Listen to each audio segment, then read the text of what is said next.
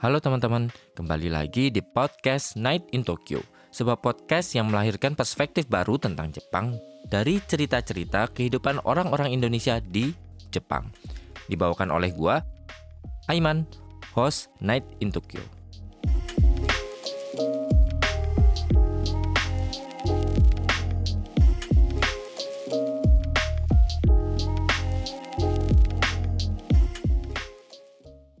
Halo teman-teman, kembali lagi dengan gua Iman di Night in Tokyo. Gimana teman-teman kabarnya semingguan ini? Semoga teman-teman tetap sehat, tetap baik-baik aja, tetap lancar semuanya, kerjaan, rezekinya juga, terus tadinya juga yang masih study. Untuk episode kali ini teman-teman, gua kedatangan seorang teman, dia itu sama-sama graphic designer juga, anak salah satu agency, anak agency ya, bukan anak eh, bukan artis agency dan sempat punya eh, punya podcast juga. Jadi langsung aja di sini ada Bella. Halo. Halo halo, gimana kabarnya? Baik baik. Kerjaan. Aduh, baik. Jadi anak agensi di Jepang. Iya. Eh, jadi Bella ini sebenarnya bukan dari Tokyo tadinya ya. Yes. Dia itu dari Osaka teman-teman terus dapat kerjaan di suat- salah satu agency advertising agency di Tokyo terus dia baru pindah di Tokyo. Oke, sebelum itu gue pengen tahu dulu deh Bella, eh, lu di Indonesianya tuh asalnya dari mana, terus sekolah di mana, sampai gimana akhirnya lu bisa terjebak bukan nyasar atau datang ke Jepang. Em, ya jadi halo semuanya, kenalkan aku Bella. Seperti yang tadi udah diceritain sedikit. Em, aku di Indonesia dari Bandung. Orang tua bukan orang Bandung, tapi dari kecil di Bandung, besar di Bandung. Jadi SD, SMP, SMA di Bandung. Setelah itu lulus SMA langsung ke Jepang untuk sekolah bahasa.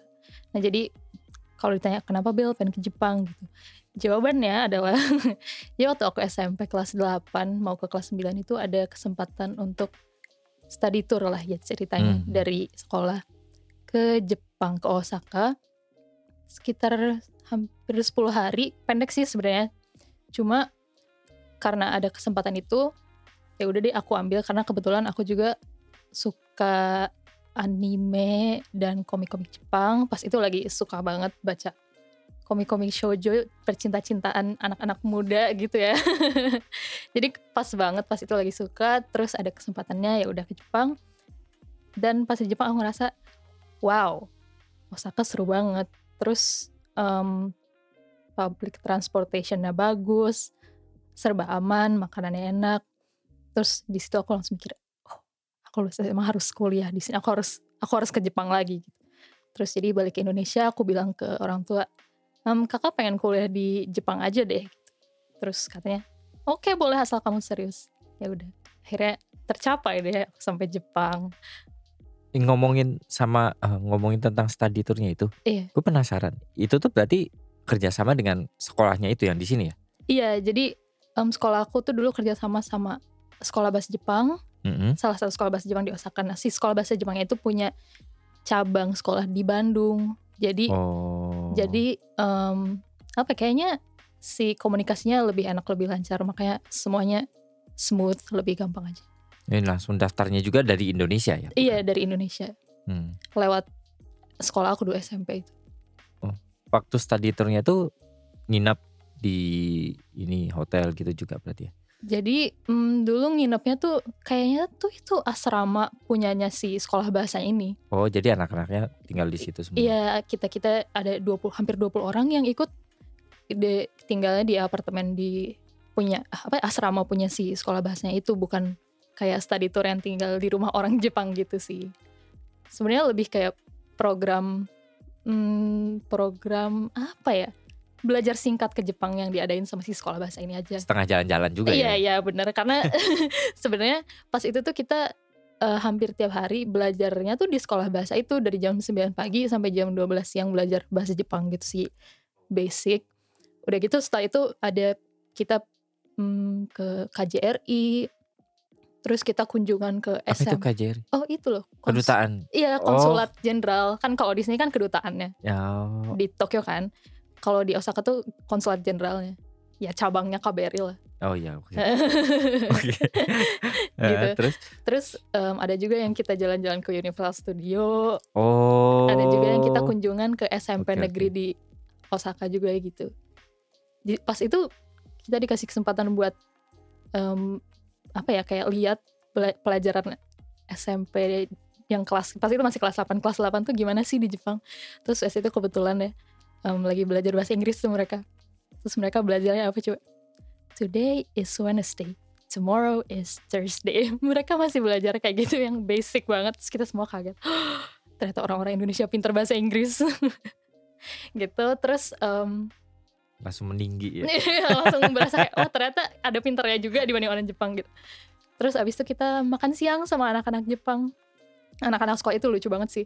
Jadi pas jam makan siang tuh mereka ternyata ini loh eh, meja-meja di dalam kelasnya mereka geser-geser terus mereka jadiin kayak set kelompok-kelompok island-island gitu terus mereka makan bareng cewek cowok campur terus aku ikut makan di situ.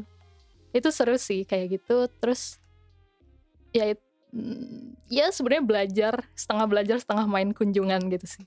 Seru-seru Di Universal Studio itu sebenarnya ada itu juga tuh. Di luarnya ya, ada popcorn enak. iya. Tahu nggak? Nggak tahu aku kalau beli popcorn selalu di dalam Oh iya. Iya. Jadi itu popcorn eh, yang memang buatan Osaka gitu. oh, Eh, emang perusahaannya Osaka. Jadi sebenarnya dia cuma punya cabang cabang di daerah Kansai doang. oh yang itu bukan yang maskotnya kayak Iya, badut papa. apa Papa, popcorn papa itu atau Oh. iya, itulah. Nggak Nanti kalau ya. balik oke ke oke nanti kalau balik ke Osaka silahkan cobain. coba cari nanti Kita juga dulu tuh waktu ke Universal Studio itu juga apa ya namanya? Iseng doang gitu nyobain. Kan itu popcorn kan beneran di depan pintu keluarnya kan ya sebelum oh yang sebelum ke Eki-nya itu apa? Mm. Stationnya itu. Nah, di situ oh kayaknya menarik beli enak. nggak nggak beli di dalam universalnya tuh Enggak, oh enggak enggak dibawa pas pulangnya. oh oh iya Jadi iya, waktu iya. di di di Airbnb-nya tuh nyobain satu. Enak. Cobain terus jadinya. abis deh bukan Abis. nyobain. Itu eh, katanya sih terkenal oh oke nggak pernah denger kebanggaan orang Osaka gitu. Gak tahu Mm. itu dan akhirnya tahun berapa lu menginjakan Jepang sebagai student itu? tahun 2017 bulan Oktober karena lulus SMA kan 2017 bulan Juni Mm-mm. kalau nggak salah ya ya terus ada sedikit periode nganggur di Indonesia terus baru ke Jepangnya Oktober Masuk bahasa eh, Sekolah bahasa. sekolah bahasa yang itu juga. Oh iya iya yang itu kan yang memberangkatkan kalian Oh, ke sini kan. beda Oh beda. iya beda karena em, dengar-dengar reputasinya kurang bagus kalau bahasa yang itu jadi dan emang beda agen juga sih pas berangkat dari Indonesianya Oh. iya Kirain sekolah bahasa yang sama. enggak beda Hmm.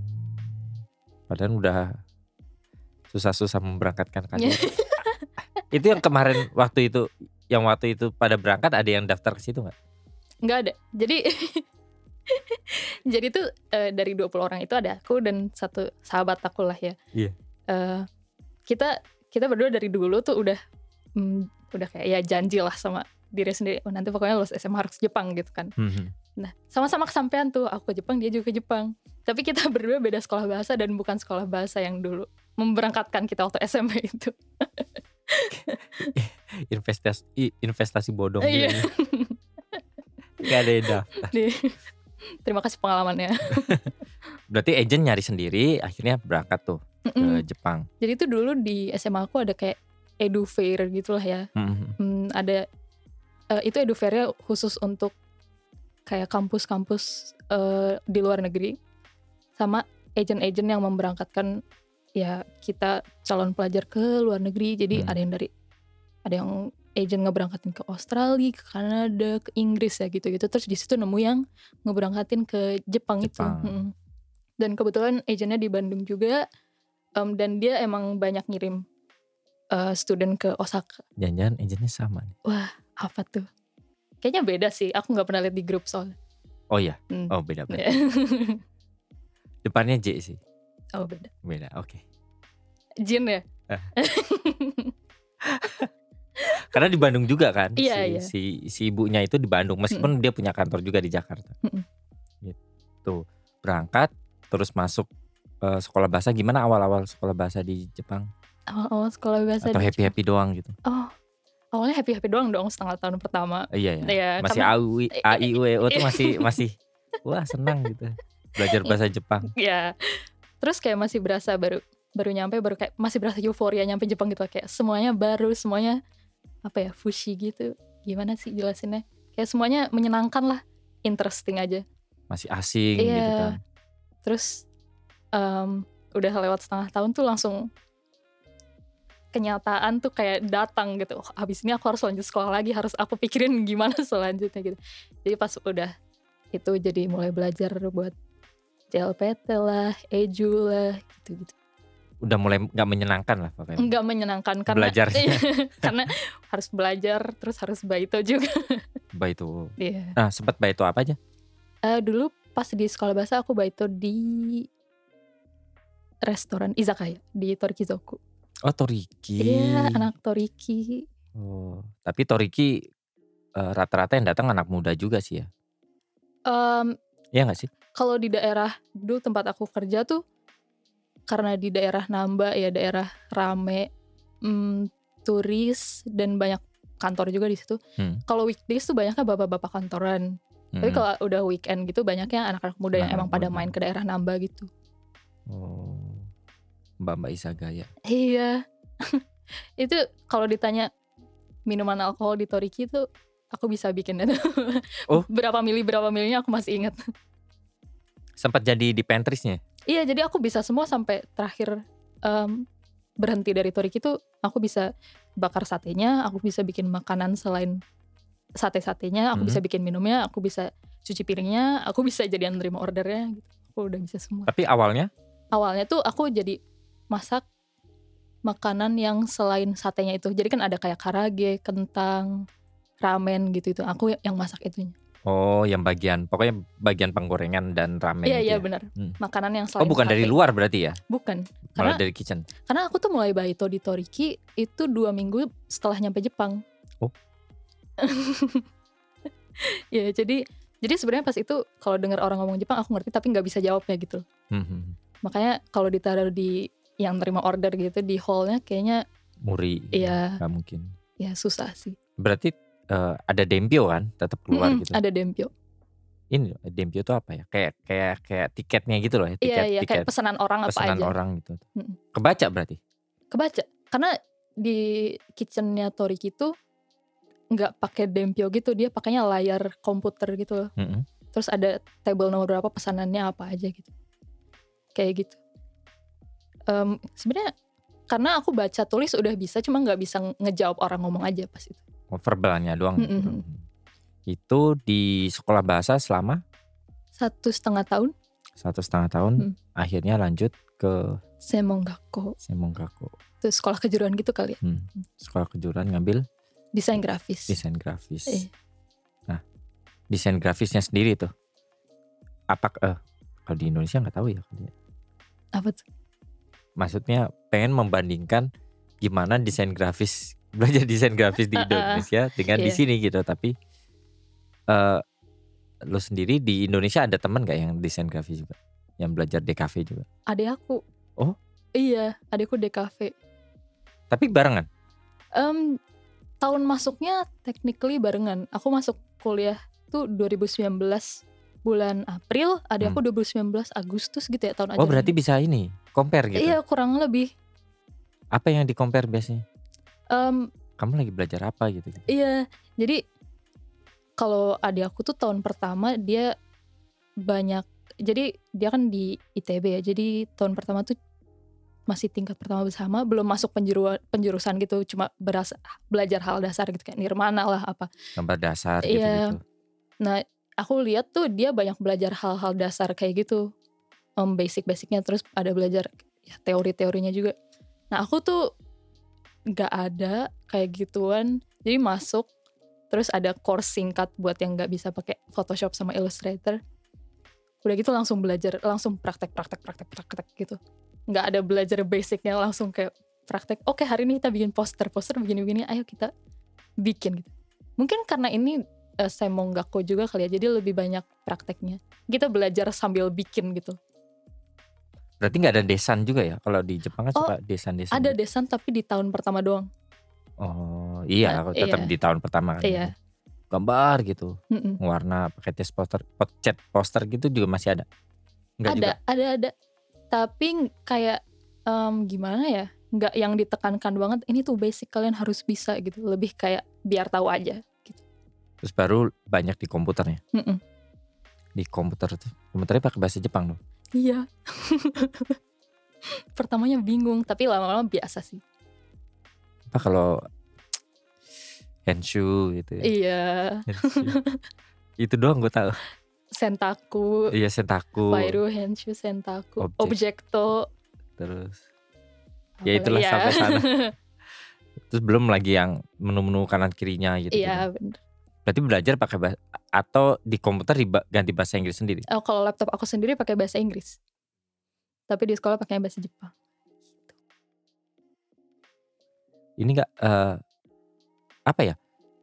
Gue banyak mendapatkan kesan kalau orang Jepang itu jarang banget yang punya ini ya, maksudnya jarang banget yang punya PC gitu loh. bener bener bener Kalau di Indonesia kan ya paling bahkan anak SMA pun kadang-kadang ya entah itu eh, pinjam dari bokapnya atau Hmm. gimana dia bisa mengop- mengoperasikan personal komputer gitu loh entah laptop atau ya PC biasa gitu. Mm-mm. Nah orang Jepang tuh gitu nggak sih? Iya, aku kaget banget. Jadi tuh dulu pas tahun pertama ada em, tugas bikin cover, eh, bikin guidebook kecil gitu lah. Mhm. Terus pas udah jadi kita harus presentasi dong. Konsepnya gimana? Kenapa kita milih warna Iya, ini? iya. Kenapa kita milih elemen ini? PowerPoint gitu kayak gitu. Iya, aku tuh pas dibilangin, oke nanti kalian presentasi. Aku udah langsung mikir, oh pakai PowerPoint gitu. Terus si sensei bilang, oke kalian pre- presentasi pakai PowerPoint ya. Terus semua orang bilang, sensei aku nggak bisa pakai PowerPoint. Nggak ada yang tahu PowerPoint itu apa.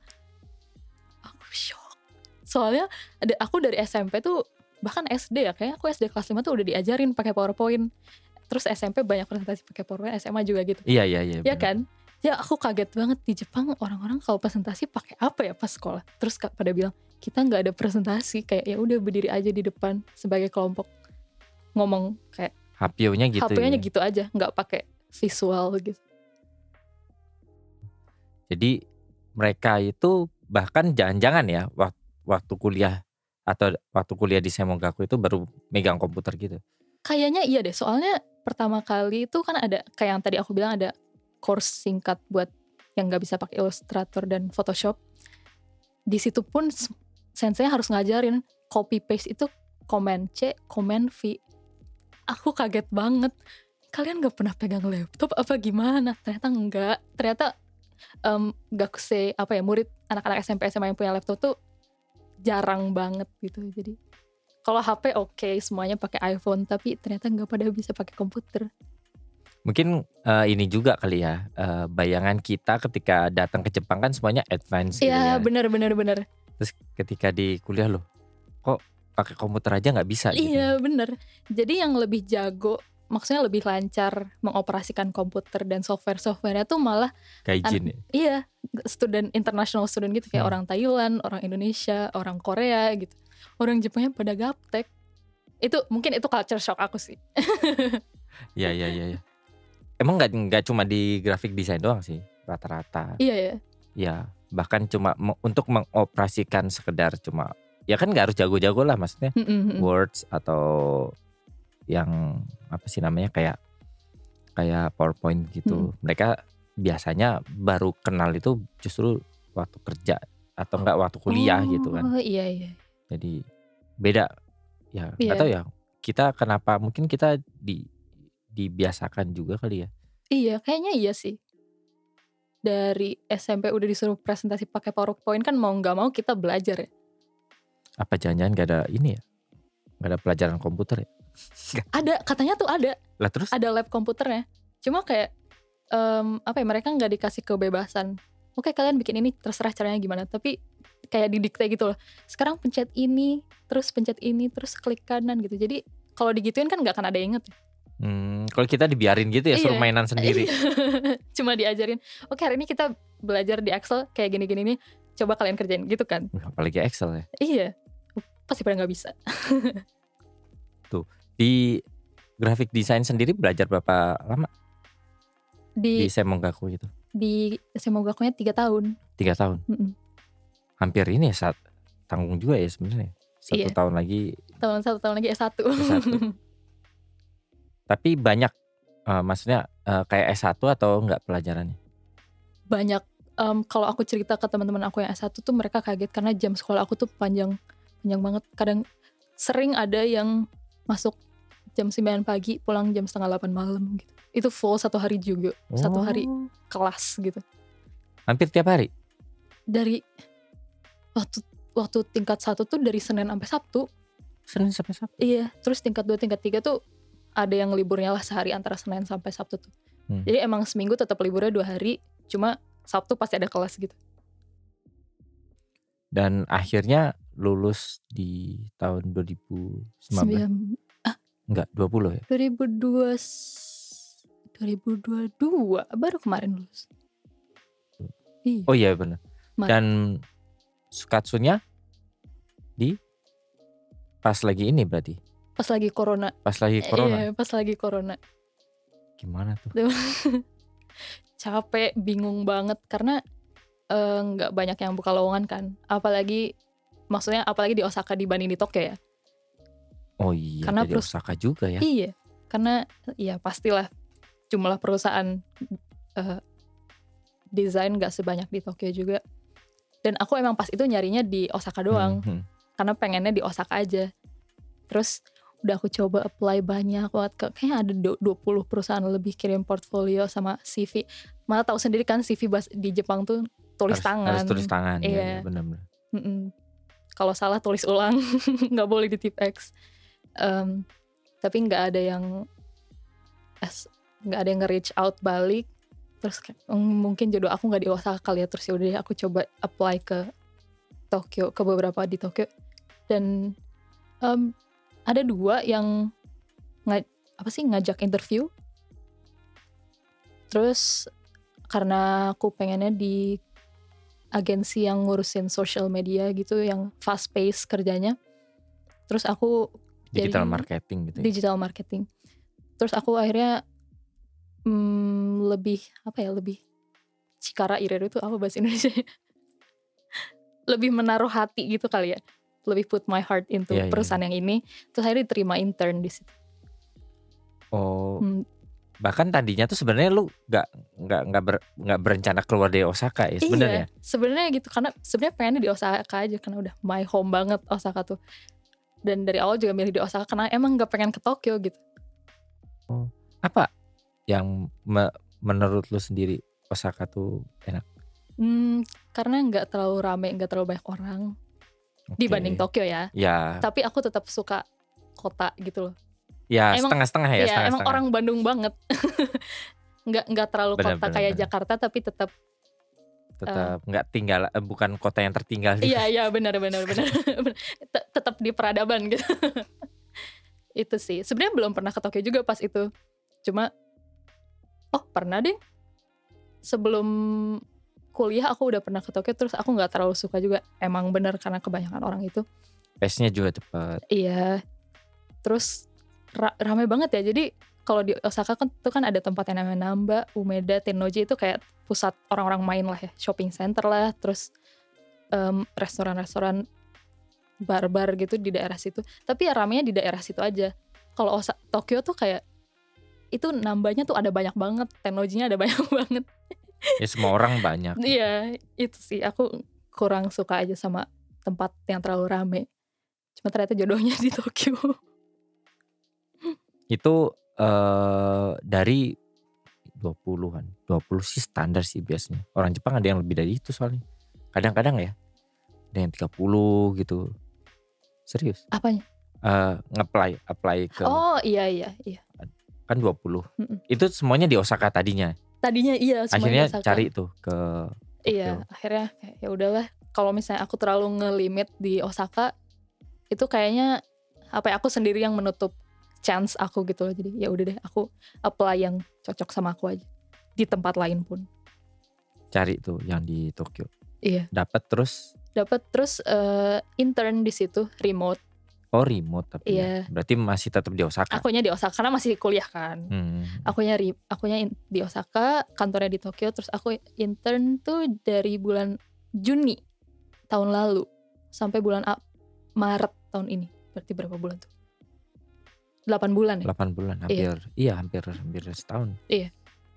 sebenarnya pas intern tuh kata perusahaannya oke kamu tiga bulan sebagai kayak masa percobaan gitu lah ya. Hmm. kalau oke nanti kamu kita jadiin full time employee.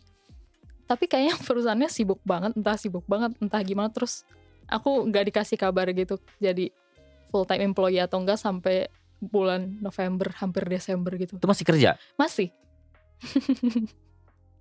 karena emang kerjanya aku suka sih seru. Mhm. makanya aku juga pengen full time di situ. Terus akhirnya karena aku push terus karena aku kan perlu bikin visa kerja ya. Oh iya benar ya benar. kalau kalau diterima aku perlu bikin visa kerja kalau aku nggak diterima aku perlu cari perusahaan lain dong. Iya, karena ngaruhnya ke Shukatsu aku juga kan. Terus akhirnya mereka bilang, daripada dipulangin. iya bener ya ampun. Perpanjang visa buat yang cari kerja. Itu kan males banget. Jadi aku push perusahaannya terus katanya oke kamu diterima jadi full time employee di sini oke akhirnya dapet tuh di November mau Desember kepastian Masih lah, masih masih nggak apa-apa sih. Nah, masih nggak masih. apa-apa. Cuma aku panik aja karena aku kan gak ikut ya. Oh iya. Iya, aku harus mm, usaha berkali-kali lipat dibandingin orang Jepang. Aku mikirnya sih gitu ya pas itu. Iyalah pasti Iya. karena ya namanya perusahaan Jepang ya gimana ya? Kan komunikasi kan penting gitu. loh. Iya, daripada dan budayanya juga. daripada miskomunikasi dengan anak-anak anak ini nggak jelas ini skillnya sama kenapa nggak orang Jepang nah, aku mikirnya gitu. Jadi aku mulai shukatsunya lebih cepat dari yang lain. Aku harus usaha berkali-kali lipat dari teman-teman aku yang orang Jepang gitu sih mikirnya. Makanya pressure-nya juga berasa lebih banyak. pindah tuh akhirnya dari Iya. Osaka ke Sebenarnya- Tokyo itu kan mulai full time tuh tanggal 1 April ya. Terus harusnya tuh aku udah di Tokyo dong tanggal Hmm. segitu, tapi aku males. Kayak, aduh, aku nunda-nunda terus tuh pindah karena aku nggak pengen pindah. Terus aku bilang ke bos, Pak boleh nggak kalau pindahnya akhir April? Jadi aku remote dulu sampai akhir April. Terus oke boleh. Untung ya perusahaannya fleksibel gitu sih. perusahaan Jepang Perusahaan internasional. oh iyalah Buka cabang di Tokyo gitu. Hmm. kalau Jepang mungkin ya, ya nggak tahu lah Ya, berarti nggak ada training dan lain-lain enggak karena udah intern kan. Ya, jadi kayak kerjaannya sama sebenarnya. menarik menarik Mm-mm. ya karena bukan perusahaan Jepang biasanya kalau perusahaan Jepang udah pasti ada kayak training lah dikasih tau lah ini ini segala macam Oh. gitu-gitu oh ini tuh ntar kayak gini jadi masa training pun ada satu tahun Lama juga ya? Atau standar? atau tempat gue doang ya nggak tahu sih kalau di kalau di tempatku sih kayaknya eh satu tahunan lah itu tuh masih masih yang nggak dikasih sebuah project yang gimana jadi gitu. anak bawang aja gitu ya? Iya Oh. gitu sambil diajarin ini itu kayak gini ini tuh kayak gini misalkan eh ya semua hal yang perlu kita ketahui lah tentang perusahaan kayak Mhm. gitu itu dalam setahun baru jadi beneran grafik desainernya atau enggak per ya Oh, posisi yang lain gitu gitu Menarik.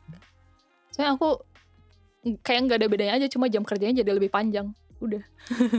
iya karena karena bukan part time lagi kan Iya. Hmm.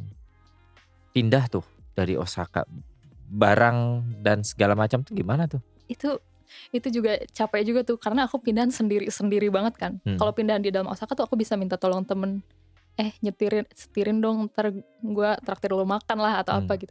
Cuma kan dari Osaka ke Tokyo nggak mungkin minta tolong temen ya. Eh setirin dong nggak tahu diri kan. jauh kan kayak kayak 300 Jakarta Jakarta Surabaya eh, 300 kilo Iya. kalau nggak salah iya jadi aku pakai jasa pindahan itu oh cari-cari sendiri minta Mitsumori sendiri gitu tapi aku angkut semua barang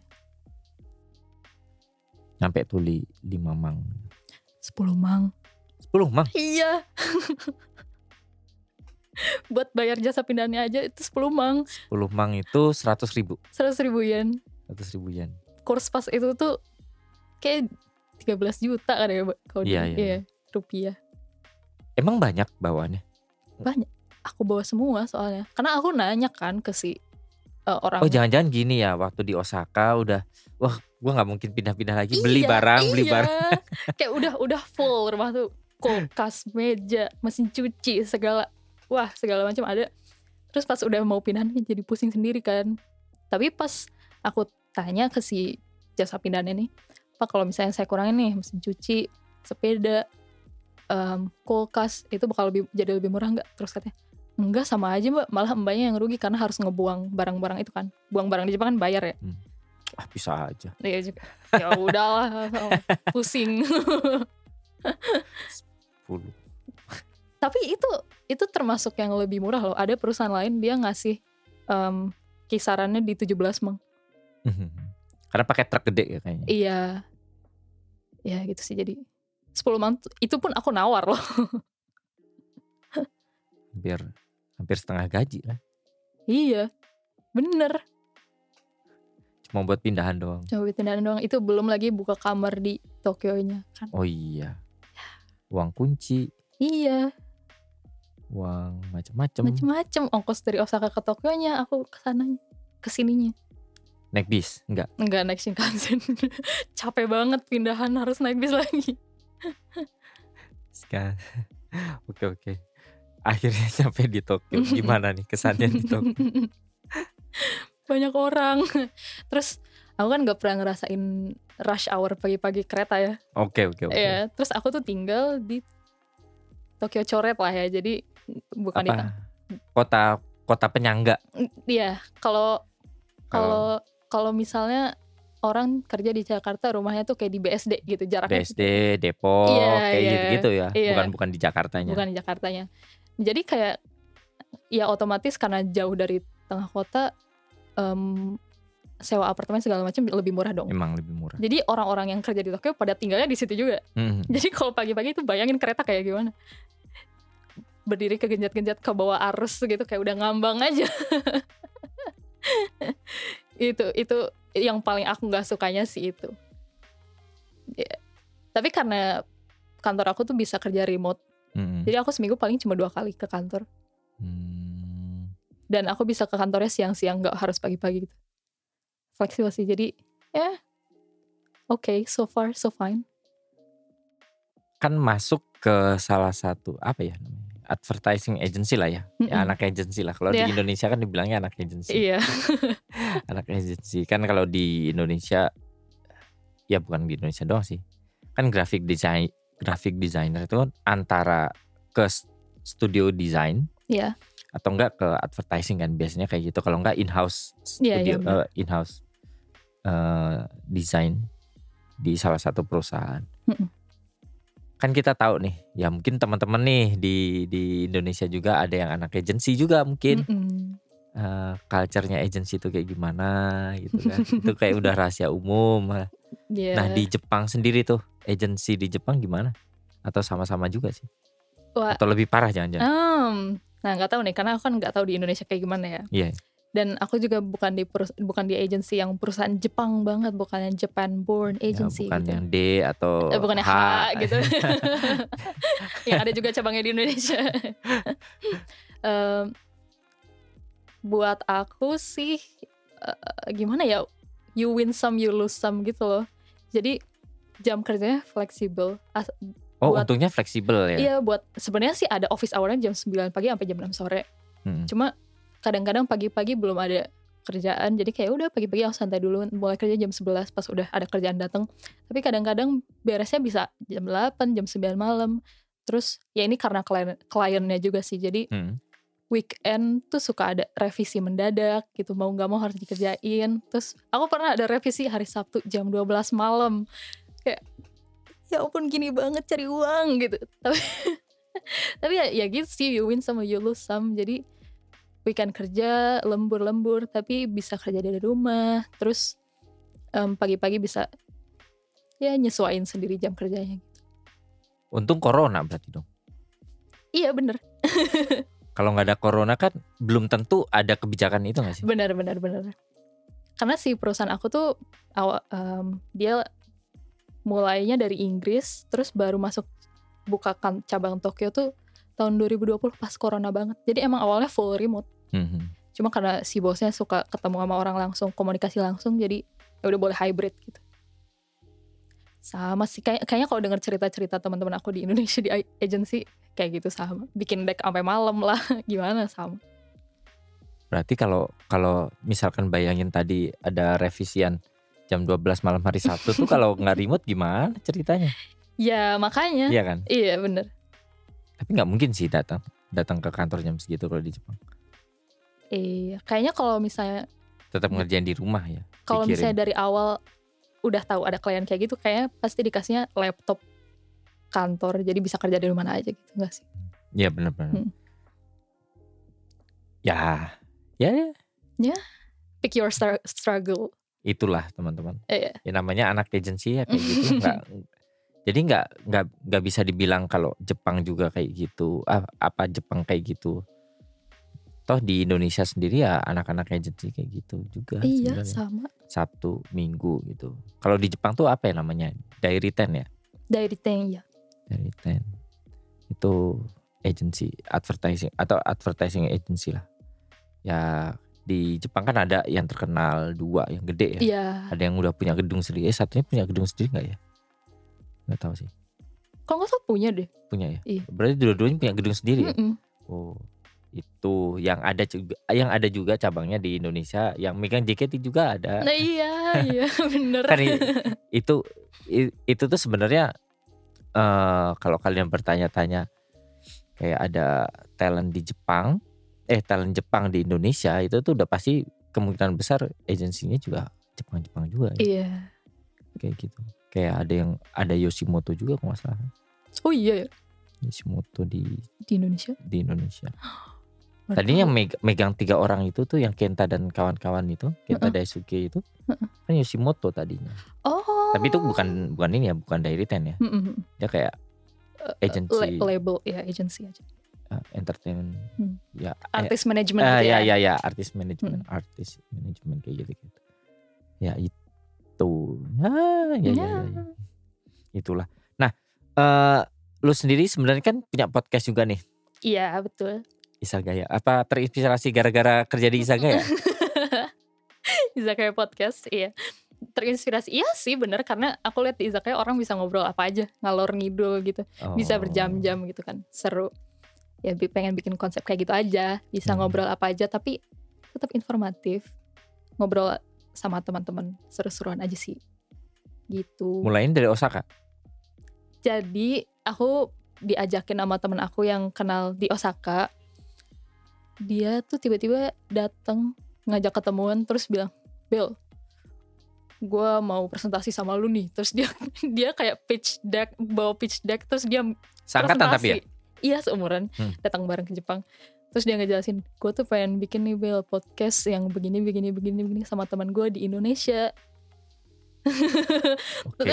terus terus aku mikir wah seru juga nih soalnya aku suka aku seneng ngobrol tapi nggak suka di depan kamera gitu kayak podcast adalah platform yang sangat cocok gitu kan terus ini ya apa sih namanya Eh, theater of mind-nya main ya? Yeah, betul. Jadi suaranya doang ya?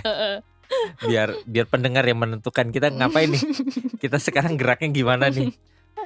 Sampai vibe-nya itu sebenarnya semua ada di di pikiran yang denger sih sebenarnya. Oh Iya nggak sih? Kalau podcast ya? Iya benar-benar Hmm.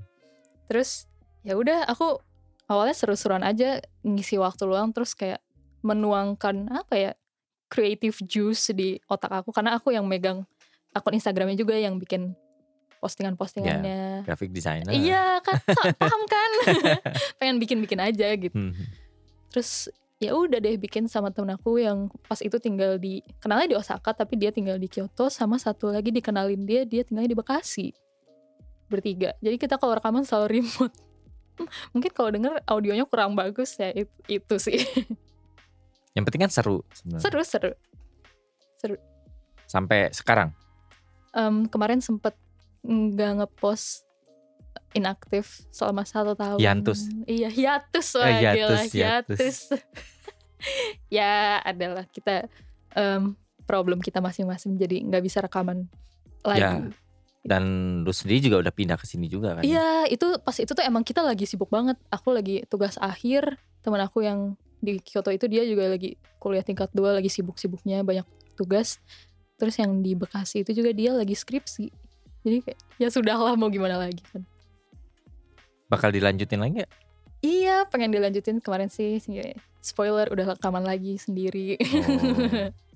Berarti sekarang ini ya bersolo karir. iya, solo karir. Tapi udah izin kok ke yang lain ke dua orang itu. Oh berarti masih ini yang sama ya?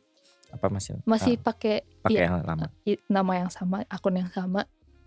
Ya nggak tahu sih mungkin nggak nggak selucu dulu, cuma ya aku pengen ngobrol aja, pengen bagi-bagi cerita, bagi-bagi informasi gitu.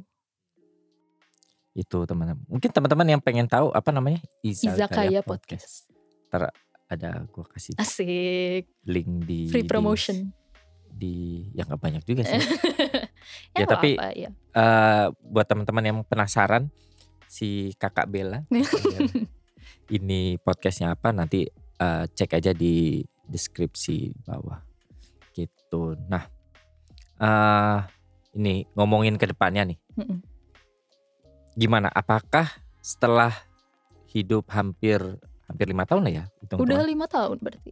Iya, udah lima tahun. udah lima tahun di Jepang yang dari dari awal excited terus eh pasti banyak protesnya juga Mm-mm. sampai ada hal nggak enaknya juga pasti Mm-mm. sampai sekarang mungkin udah ngeblend dengan orang Jepang ke depannya bakal bakal terus di Jepang atau gimana Iya. Iya. Rencananya sih pengennya sih kalau semuanya berjalan lancar sih pengennya di Jepang aja terus. baru baru kali ini dengar Iya ya. biasanya bukan biasanya ya biasanya ada yang bilang ya nggak tahu Hmm. tapi mungkin ada yang bilang juga mungkin untuk dekat dekat-dekat ini lima tahun mungkin masih di Jepang tapi setelah itu juga tahu nah Hmm.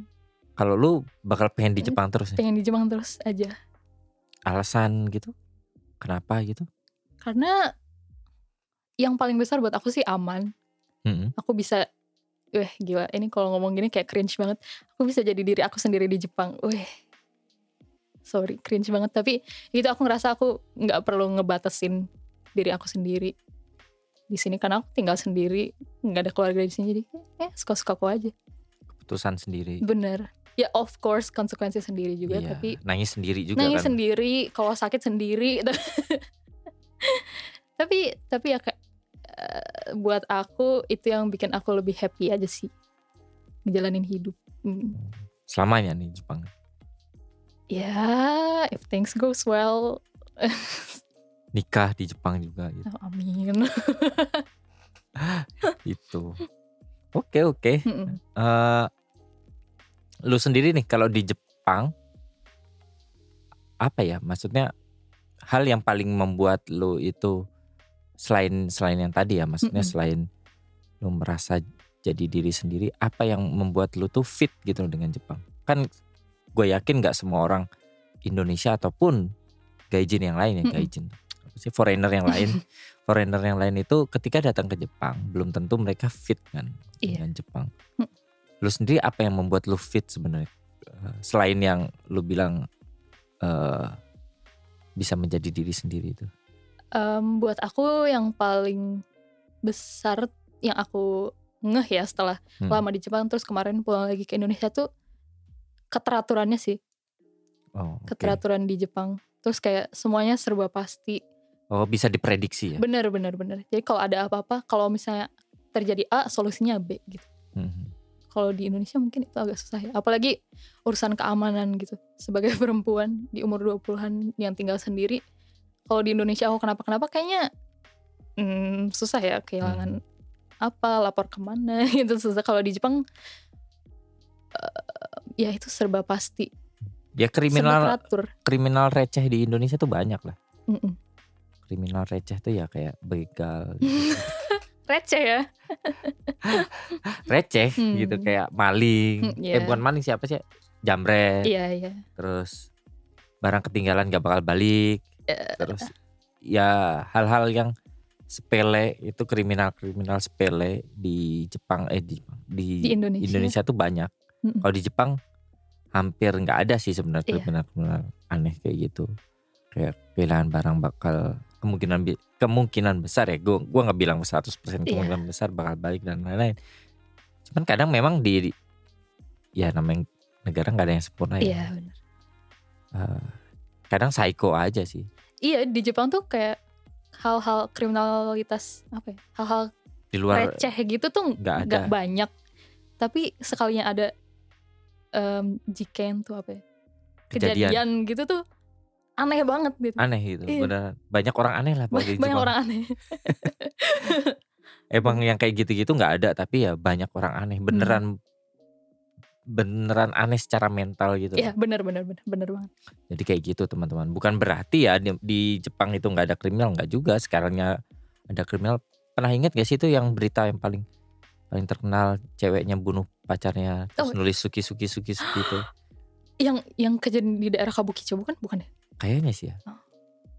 Tahu tahu Ba- banyak ya sering denger yang kayak gitu. Terus dia nggak nggak nggak merasa nggak merasa aneh gitu Bersalah sih, ya. nggak merasa bersalah gitu. Iya. Kalau ditanya karena dia apa ya? Ingin memiliki seutuhnya. Iya gitu. iya benar benar sampai benar. di benar. afterlife tuh pasti jadi milik dia gitu. gila itu sih jadi buat aku sebenarnya yang apa ya kayak hal-hal receh gitu harus jaga barang nggak boleh taruh HP di saku belakang kalau lagi di Indonesia gitu ya. Terus atau misalnya naruh dompet di saku luar tas gitu ntar Silet. iya di gitu. Itu buat aku jadi beban mental tersendiri gitu aku harus ekstra hati-hati itu capek ternyata. Pas aku tinggal di Jepang aku nggak perlu se careful itu harus tetap careful. Nggak harus nggak kayak di bisa nggak sehati-hati di Indonesia tuh sangat apa ya bikin ringan aja gitu Mhm. sangat freeing buat aku jadi itu kayak itu sih yang hal paling besar yang bikin aku nyaman tinggal di Jepang tuh teratur dan aman Memang sih kalau di Jepang tuh lebih cenderung cenderung semuanya bisa terpred semuanya bisa diprediksi gitu loh. Mm-mm. Memang konsekuensinya adalah negaranya agak boring sih, ah bener-bener ya Benar. kan. Kalau kita udah tahu udah hafal ya kita nggak bilang nggak bilang datang ke Jepang sebagai turis ya. Iya. Kita bicara sebagai orang yang tinggal di Jepang itu karena semuanya udah kadang-kadang udah terprediksi ya sedikit inilah. Apa ya? Ya sedikit sedikit membosankan flat lah. Em, terus orang-orang Jepangnya tuh cenderung apa ya mengikuti peraturan yang udah bukan mengikuti peraturan gimana ya kayak customs budaya yang udah ada tuh diikutin aja tanpa dipertanyakan gitu. Iya otomatis. Ya kenapa kamu kayak gini? Nggak tahu karena dari dulu udah begini gitu. Kayak eh, kita pikir wah hebat ya orang Jepang ngantri itu bukan sesuatu yang hebat sebenarnya Hmm, ya memang udah di dalam darah wajar darahnya mereka itu kalau kalau ada sesuatu harus beli terus banyak orang tuh ya harus ngantri gitu. Iya. Dikasih garis aja orang Jepang udah pasti ngantri. Bener, gitu. bener. Kayak, kayak gitu aja sih sebenarnya. Jadi bukan sesuatu mungkin di di sudut pandang orang Indonesia itu adalah sesuatu hal yang wah gitu. Ya. Terus padahal ya ya kayak gitu. Cuman ya memang ya ya itu kan konsekuensi lah. iya Ya, jadi kalau kita eh, tinggal udah agak lama kayak bakal merasakan kalau Jepang tuh ya udah gitu-gitu doang gitu. Mm-mm. Kayak gitu. Gak ada lah eh, kayak orang berantem eh ada sih, cuman gak ada tuh namanya apa?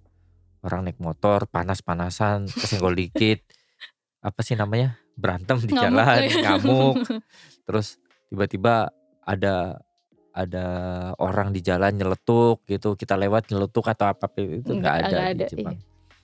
iya. ya, dinamikanya beda lah. Betul. Tuh oke nih Eh, buat terakhir nih buat penutup seperti biasa gue bakal tanya ke seluruh orang yang datang ke Night in Tokyo dua pertanyaan. Pertanyaan pertama adalah suka dan gak sukanya dengan kehidupan di Jepang? Sukanya yang tadi aku bilang itu Hmm. Teratur rapi em apa ya aku nggak bisa nyetir pun aku bisa ke mana-mana jalan-jalan benar sendiri. benar, benar. itu sangat praktis. Itu seru sih buat aku yang tinggal sendiri nggak ada kendaraan itu sangat oke.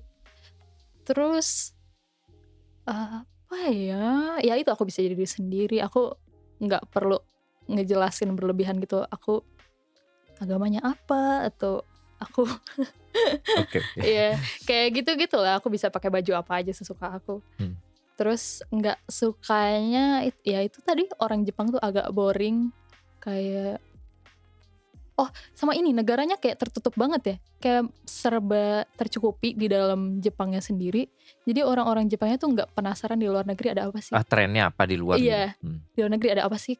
Terus kayak kenapa kok orang luar negeri mikirnya kayak gini sih. Kayak Nggak peduli aja. nggak nggak peduli karena semuanya udah ada di dalam Jepang sudah Hmm. cukup udah udah maju negaranya gitu Agak ini jadinya agak punya dunia sendiri gitu. iya benar-benar Hmm. itu kali ya sama um, unnecessary paperwork kalau misalnya ke kantor kecamatan gitu ya atau balai kota gitu apa sih syaku syaku yakusha gitu Hmm. kayak banyak banget yang mesti ditulis kenapa nggak semuanya dijadiin online aja sih gitu. Oh masih ini paper, masih banyak paper based gitu loh. Iya masih apa ya dokumentasinya masih ya di Indonesia juga kadang-kadang sih. Iya ya? Ya masih masih manual gitu. Hmm, nggak nggak yang data terintegrasi gitu loh. Iya. Masih belum sih. Tapi Hmm. mungkin setelah yang ada apa itu my number my number itu kan, Mm, mm, mm. kayaknya kemungkinan ya predik proyeksi proyeksi, sotoyan gue doang sih sebenarnya emang itu kayak dipersiapkan sama pemerintah Jepang supaya eh, kita kemungkinan ya kemungkinan Mm. kita nggak bakal ngisi-ngisi lagi misalkan datang ke ke mau buka account bank gitu Mm-mm. di salah satu bank kasih nomor my number kan semua udah jelas oh itu iya iya benar udah keluar semua Mm-mm. eh, identitas dan lain-lainnya ya udah dari situ doang gitu Hmm. kemungkinan ya kemungkinan Tapi itu kemarin aku pakai My Number buat bikin eh, vaks- paspor vaksin sebelum pulang ke Indo. Itu kan ada aplikasinya ya di HP. Waktu pas foto, terus aku tinggal nge-scan My Number, terus keluar semua, tinggal ngeprint di convenience store. Itu oke banget sih kalau ada kayak gitu.